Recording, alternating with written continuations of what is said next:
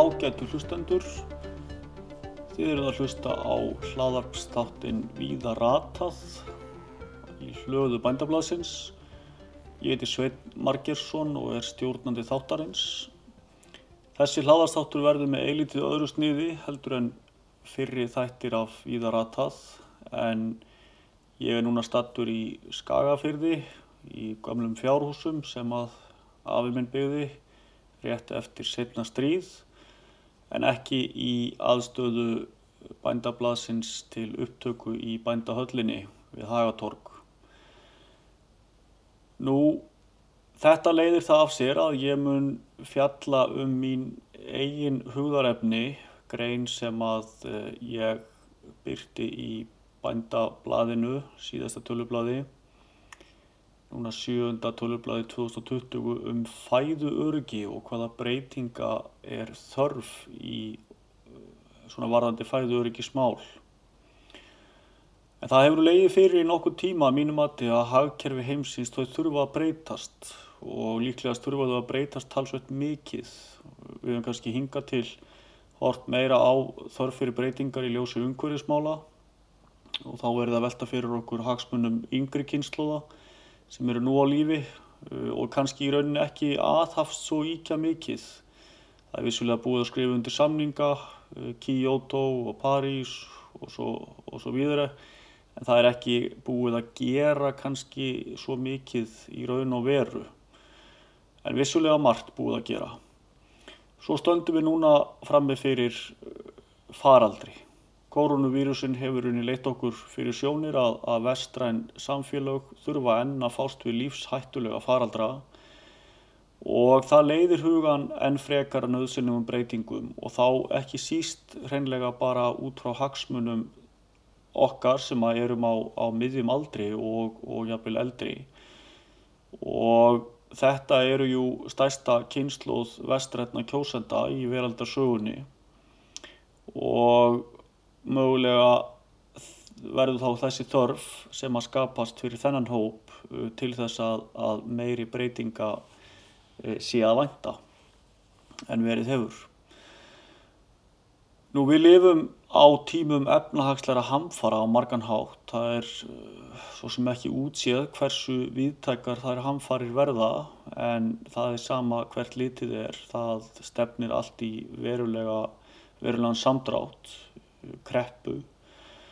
Nú það er á sama tíma lögð áherslu á það að sé til nóg að borða og ef við horfum til að mynda til Íslands þá er það alveg horrið. Við sjáum framkvæmdastjóra stórverslana núna leggja áherslu á mikilvægi íslenskra matvælaframherslu en það er samt sem áður óvisa um framhaldið. Hvernig verður til dæmis verðlag á innfluttum vörum? Munum við sjá innfluttar vörur verða í bóði með sama hættu áður var? Breytingar á oljumarkaði sem að já, tengjast pólitík en tengjast á líka stöðunni varðandi, varðandi faraldurinn. Hvernig mun ólíumarkaðurinn þróast? Við séð mikla lækkanir á ólíu upp á síðkastið. Mun það leiða til meiri brennslu eða mun það leiða til þess að, að ólíuvinnsla með, með vökuabróti eða frakkingvinnslan, hún leggist af í bandaríkjónum og, og það fylgir þá stórfældar ólíuvers hækkanir í framhaldinu hvernig mun þetta spila á hrávurumarkaði, munum við sjá uh, hrávurur hækka upp úr allu valdi þegar það gengur til dæmis á kortbyrðir vegna minni framislu getu, hvaða áhrif mun aukinn skuldsetning hafa á efnagaskerfi heimsins, uh, munum við sjá verðbólgu fara að stað aftur, munum líkil öðlindir færast á ennfæri hendur. Það er ansið marga spurningar sem, að, sem vakna í þessu ástandi. Það er nú ekki markmiðið með þessum písli að reyna að svara þessum spurningum öllum en, en frekar að benda á nokkrar svona breytingar sem að eru að mínum að til nöðsynlegar fyrir íslenska fæðuframleyslu í ljósi þessar óvissur sem er uppi. Það er í rauninni komin tími til að taka áhættu og viðnámstrókt matalarframleyslu og byggðalaga með í reikningin í auknum mæli e, í stað þess að einblýna alltaf á aukna framleiðni sem við höfum gert síðustu árin þó að vissulega sé alltaf ástæða til að beina augum að framleginni. En við kjum aðeins að þessum breytingum. Hvaða breytingar eru það sem ég er að horfa á? það, það kannski þarf ekki að koma óvart að fyrsta breytingin sem ég legg til er aukið frjálsæði bænda til úrvinnslu eigin afurða og bytna sölu til neytenda. Það þarf að auka möguleika bænda til sláturnar eigin gripa og á þetta hefur margi ítrekka verið bent, sérilagi varandi sláturinn lampa í fjölmörgum samtölum mínum um þessi málefni við veitingamenn, við bændur og aðra frumkvöla við án land uh, hef ég heyrt ástæður á borð við viðhald verkþekkingar, minni flutninga, bætta dýravelferð og aukna eftirspurn meðan neytenda svo ekki sé minnst á, á gæði kjötsins. Það skiptir miklu máli að tengja bændur og neytendur sterkar heldur en hefur verið og það gerist með því að heimila beina, beina sölu og þá á sama tíma að leggja ábyrð á bændur varðandi gæði afurðana í auknum mæli. Þarna hefur sjáuröts og landbúinur á þeirra lagt til að það verði framkvæmt tilrönaverkefni um heimasláturinn söðfjár hösti 2020. Þetta verkefni er í undirbúningi núna á vordögum 2020 og er afskaplega jákvægt skref. Nú breyting nummer 2 Hún er á margan hátt að sama megði og breyting nummer eitt eh, tengist svona okkar möguleikum til þess að takast á við hlutina sjálf. Þurfum við ekki að flytja inn eh, vinnuafl í jafnmiknum mæli til slátrunar uh, og þá með sama hætti að leggja á aukna áherslu á innlenda fóðuröflun í stað innflutnings á fóðri. Við erum að framleiða rétt um 150.000 tonna mjölk og 30.000 tonna kjöti á ári á Íslandi. Til þess að framleiða þessi 180.000 tonna matvælum þá flytjum við inn rífilega 100.000 tonn af fóðri og fóðurháfnum. Soja, mægis og kveiti, byggi og öðru. Framleiðsluaukning mjölkurframleiðslu síðustu ára hefur í rauninni haldist í hendur við aukinni innflutning á fóðurháfnum. Á sama tíma er fjöldi túna víðan um land sem við nýtum ekki. Við erum í raun og veru allt of háð innflutningi á fóðurháfnum og áburði og værum tilturlega illa stödd ef verulegar takmarkanir yrðu á slíkum innflutningi. Nú gengi krónunar fjalli verulega, nú eða ef að verð fóðurháfna hengsmarkaði hækkaði umtalsvert. Það er mögulegt að nýta íslensk ráefni, íslensk land og íslenska orku að ég tala ekki um íslenska þekkingu til að vinna fóðurhraðufni og áburð og það er algjörlega full ástæða til að setja aukinn kraft í slíka þróun. Breyting nr. 3. Stuðningur við matalaframleyslu miða auknum viðnámstrótti matalaframleyslu og byggðalaga. Hvað á ég við hér? Jú, við höfum í rauninni miða stuðning við landbúnaðarframleyslu eða landbúnaðarkerfið eins og við törum gætnan um það Við höfum gerðan miðað þennan stuðning við tvær greinar að megin þætti, að megin þáttum. Annars vegar söðfjö og hins vegar mjölkurframlegslu. Að mínum átti er full ástæða til þess að styðja við íslenska landbúnað. Engin vafi um það, mjög mikilvægt út frá samkeppnisjónamöðum. Við vitum að það er stuðningu við landbúnað eh, í rauninni allstaðar í heiminu svo að segja. Hvers vegna er það gert? Jú, það er út frá fæðu öryggis sjónamöðum, það er út frá öryggis sjónamöðum samfélagana en út frá þessum sjónamöðum þá væri mun nær að skilgreina nöðsynlega lámakstöðu í helstu greinum landbúnaðarafurða, miðastuðning við það en láta útflutning eða útflytjendur greiða raunverð fyrir framleiðslu beint til bænda.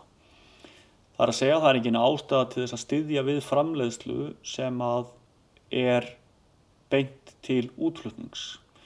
Fremur að taka stuðning uh, og beina í átt að sjálfbæri nótkunna landi, gæstlu á landi, þannig að við séum með gott land tiltakt til framleiðslu þegar á því þarf að halda, auka stuðning við úrvinnslu og vöruþróun bænda, landgræðslu, kólefnisbindingu, innleiða og þróa tæknilausnir og nýsköpun í dreifðum byggðum almennt, til dæmis tengt fóðuröflun og áburðar framleiðslu. Þannig að þarna sæi ég gerðnan aukningu í stóru myndinni, í rauninni aukna fjárfestingu í matvala framleiðslu á Íslandi en að horfa á myndina með talsvert öðrum hætti heldur en hefur verið gert og leggja miklu, miklu meiri áherslu á nýsköpun. Þetta mun styrkja byggðirnar viða um land á sama tíma og búa til ásók frumkvöðla af öllum stærðum og öllum gerðum í það að nýta landið til aukinar matvæla framlegslu. Breyting nummer fjögur sem að ég tel að sé nöðsynleg er að stöðva jarðasöfnun sem að tekur landbúnaðaland úr umferð og ítir undir neikvæða byggðáþróun. Þarna hefur verið lagt frumvarp uh, fram, uh, Ríkistjótin hefur lagt fram frumvarp uh, og það er mjög jákvægt. Ég skal alveg viðkjöna að ég hef ekki kynnt mér það frumvarp í smáatriðum og það kann vel að vera, það hefur bent á einhverja lagfæringar þurfið þar við, en það er í öllu falli mjög jákvægt að máli sem komið á dagskrá það er flókið og ég ætla mér ekki að setja fram einhverja eina rétta uppskrift í þessum öfnum. Það er hægt að benda á reynslu nágranna þjóða okkar í þessu samhengi og ímsa umræðu sem að hefur átt sér stað þar og uh, ég held að sé um að gera nýta uh, svona þá umræðu sem að er í gangi núna til þess að koma þessum málum endanlíu höfn, nýta góða vinnu sem að hefur verið sett í máli nú þegar og tryggja að uh, landbúnaða land sé fyrir hendi fyrir þessar kynnslóðir sem eru uppi núna og til framtíðar, til matálaframnæslu. Breyting nr. 5 var þar eftirlitskostnaðin. Eftirlitskostnaður í matálaframnæslu, hann þarf að míðast við raunverulega áhættu. Hann er verulegur og hamlar umtalsvert starfsemi sérstaklega minni matvælaframleðanda. Það er nú nýlegt dæmi um 100.000 eftirlitskostnað, 600.000 vegna minniháttar bleikjuveldis og það dæmi sínir ágætlega hversu miklar hindranir geta verið í veginum fyrir frumkvöla sem vilja byrja smátt og prófa hlutina og það er gjarnan rétta leiðin. Það er að segja að byrja ekki allt of stórt, heldur að prófa hlutina, leifa markanum að, að vaksa með framleyslunni og vaksa svo, ef maður segja, á sjálfbæran hátt og þá með því að nýta öðlindir og þekkingu sem er staðbundin. Þetta er ekki eina dæmið, eh, ég hef rætt við ímsa sem, sem er að kljást við álíka eins til tveggja manna fyrirtæki með eftirlitskostnað upp á 5, 6, 700.000 á hverju ári og verulega vinnu sem fer í það að taka á móti eh, eftirliti sem að er kannski meir og minna það sama aftur og aftur og þetta er afskaplega íþingjandi og að mínum að þið eru verulega áhaldum það að, að þessi kostnaður og, og þetta eftirlit sé í samræmi við raunverulega áhættu.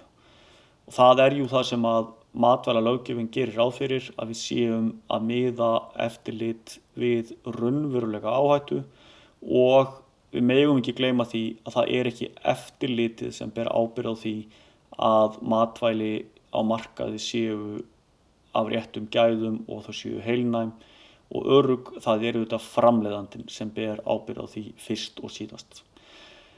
Að mínum að þið þarf að taka rækilega til í þessum öfnum, beita nýjum lausnum. Ég held að sé uh, jákvægt á margan hátt uh, að uh, sjáurt og landbúnaðar ráðuneytið sé að fara af stað með úttækt á eftirlitskerfinu og tel að það geti margt gott komið út úr því. Ég held þó að sé mjög mikilvægt að við horfum raunsætt á þær breytingar sem að verða gerðar á eftirlitskerfinu. Það þýðir ekki að beita gamalli hugsun í þessum efnum. Það er ekki nóg bara að stækka einingarnar.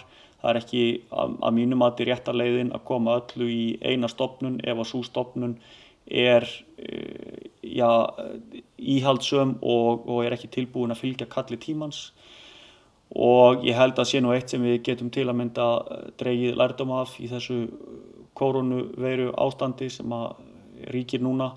Það eru ótalmargir fjarfundir sem við höfum haldið núna sem við hefðum öruglega ekki haldið fyrir svo löngu síðan.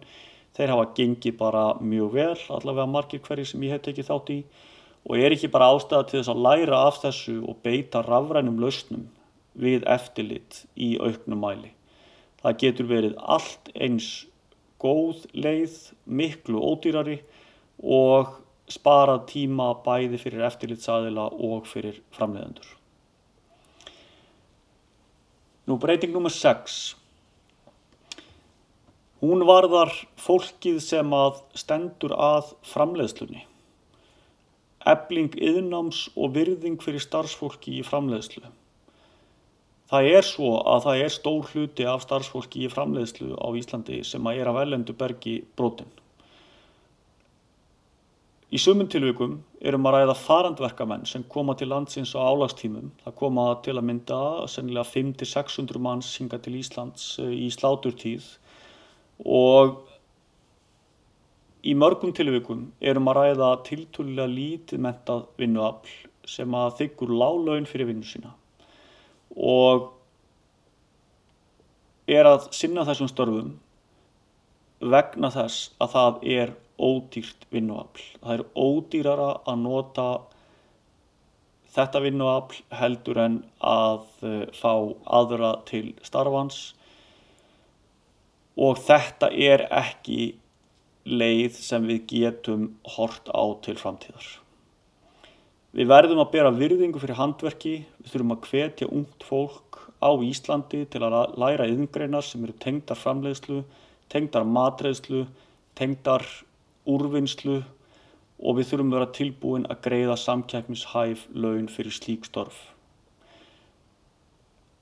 Annars getum við lendið því og það er bara ekki svo fjarlæg staða eins og uh, málinn standa núna að farandverka fólk sem við ætlum að flytja til landsins segjum til slátrunar e, eða til að vinna við slátrun að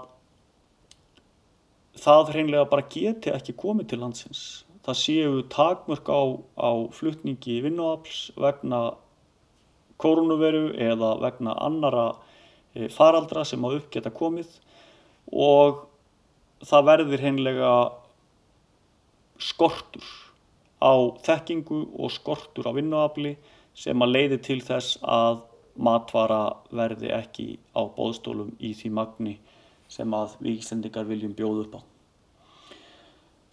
Þetta tengist breytingu nummer 7 og það varðar okkur neytendur. Við verðum að vera tilbúin að borga meira fyrir matvöru heldur en hefur verið. Matalaverð hefur farið mjög hratt niður síðustu áratugi og svo lækkunni er í rauninni ekki sjálfbær. E, byggir að verulegu leiti á ánýtingu öðlinda á heimsísu og ódýri ólíu. E, við sjáum áherslu á mikla framleiðslu og framleiðni og, og skort á jafnbægi í stjórnun öðlinda þetta hefur stöðlega nýgnun vistkerfa. Við sjáum Íslands dæmi e, til að mynda uppblásnar heiðar en dæmin eru svo sannarlega til um allan heim hvort sem það er e, ágangur á skólendi Amazon, e, minni lífræðilegu fjölbreytilegi á gresjónum í Ameríku eða, já það bara mætti nefna svo ótal, ótal mörg dæmi. Á sama tíma þá er upp undir þriðjungi að matvælum sóað. Þannig að við búum til svo ódýr matvæli að við erum í rauninni tilbúin að henda þriðjungi af þeim. Þetta skapar umhverfis áskorun og sóar í rauninni verðmætum öðlundum og við neytendur við verðum að sína í verki að við séum tilbúin að greiða meira fyrir matvöru, versla beintu bændur og matalarframlegundur sem sína að þeim sé and um fæðuröryggi til lengri tíma. Það Víkur málinu beint að áttundu breytingunni sem ég tel að sé nöðsynleg. Það er að velja íslenskt og það sem er framleitt í nágrenninu. Það er besta vörninn gegn röskun á fæðu frambóði. Það er staðbundin framleiðsla. Við getum öll aukið okkar matalaframleiðslu, hvort sem það er út í gardi, út á svölum eða hvar það nú annars er.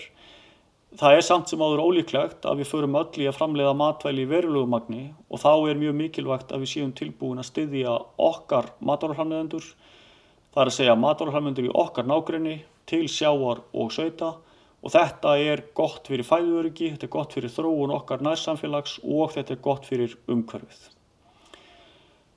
Annað sem að við þurfum líka að taka til skoðunar og breytingar, breyting nr. 9, við þurfum að hætta stöðva þróun varandi efnisval og þarna kemur nú yðnaðarhampurinn strax upp í hugan. Matálaframleyslan á Íslandi hefur á margan hátt verið íhaldsum. Jafnvel í einhverjum tilvikum þá, þá eru hefðir sem hafa skapast treinlega vegna já, svona helmingaskiptakerfisins sem var hérna við líði á, á 20. öldinni. E, það voru ákveðin ákveðinir heilsalar sem að komu með uh, tiltekin efni inn. Og þetta hefur, hefur vissulega breyst margt síðustu árin. Í þessum öfnum þá hafa komið fram öflugi frumkvölar sem hafa látið reyna á ný hráefni og nýjar aðferði til ræktunar. E, þetta hangi líka svolítið saman við e, stuðningskerfið. E, þar höfum verið að, horfa á lambakjöts og mjölkurframleðslu í mjög miklu magni eða svona lagt áherslu á þær greinar. Og uh, það auðvitað dregur á marganhátt úr uh, já, nýsköpun og, og svona kvatanum til nýsköpunar í öðrum greinum. Þannig að, að við þurfum að miða stuðnískerfið meira inn á nýsköpun eins og ég nefndi áðan en auk þess er full ástæða til að fjarlæga hindranir sem eru í vegi nýsköpunar. Og, og ég ætla bara að benda aftur á þetta dæmi kæra á hendur frumkvöðlum vegna ræktunar og nýtingar yðnaðarhams e, eru þetta augljós hindrun og, og virkilega gott núna að uh, það mál sé dottið, uh, komið út úr kerfinu og verður mjög spennandi til að mynda að fylgjast með nýtingu innaðarhams á, á komandi árum. Síðasta breytingin, síðast en ekki síst, tíunda breyting sem ég ætla að koma inn á hérna í þessum písli, það er að jafna aðstöðum matala framleiðanda og stóriðju varðandi orkuverð. Þetta hefur verið talað um í mörg ár og það liggur algjörlega fyrir að við getum framleitt mun meira af matvælum á Íslandi og það er til hagspúta fyrir fæðuröryggi, fyrir líðheilsu og það myndum leið á, lámarka áhættu í ytunnækisverslun og það væri stórt skref að uh, lækka orkukostnað gardirkjunar. Það er rauninni sjálfsagt mál að Íslensk gardirkja njóti sambarilegra kjara og stóriðjan varðandi orkuverð og það er líka mikilvægt að við horfum á aðrar e, framleiðslu greinar sem eru orkufrekar en skipta líka miklu máli fyrir Íslands samfélag. Samfara lækun á, orkukostnaði þá er tilvalið að ráðast í átak varðandi frekar í úrvinnslu á hráfnum og gardirkju og þá vöruþróun á íslenskum áburði og öðrum nöðsynlegum hráfnum til ræktunar. Þetta mun stuðlað auknum viðnastrótti matala framleiðslu, gagvart röskunum og stórföldum röskunum eins og við gætum hort á E, á innflutningi og þá íta undir íslenska verðmætasköpun á sama tíma. Þetta eru þær tíu breytingar sem að uh, mig langar til að, að leggja til uh, og maður svona vonar að á næstu vikum, á næstu mánuðum þá muni umræða Eh, svona pólitísk umræða og umræðu í samfélaginu almennt eh, fara að snúast meira um, um langtíma lausnir taka til skoðunar og aðtugunar þá áhættu sem við búum við og uh, ég held að sé virkilega hægt að horfa til þess á þessum tímum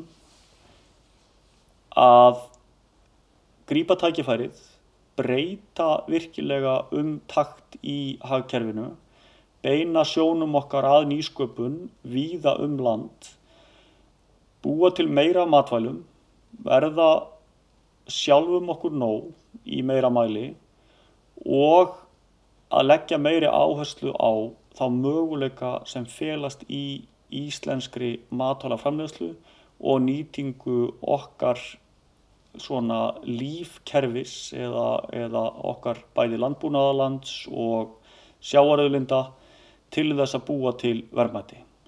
Þannig að kannski eru næstu skref í þróunni hjá okkur að fara virkilega að horfa til þess að fara út úr þessu áhættu e, drifna eða áhættu sama ólíu hagkerfi sem við höfum búið við velta kannski aðeins minna fyrir okkur hagvextinum í einhverja stund en meira viðnámsþróttinum og þeim möguleikum og, og tækifærum sem felast í auknum viðnámstrótti hagkerfisins og horfa þá til líf hagkerfis framtíðarinnar á Íslandi.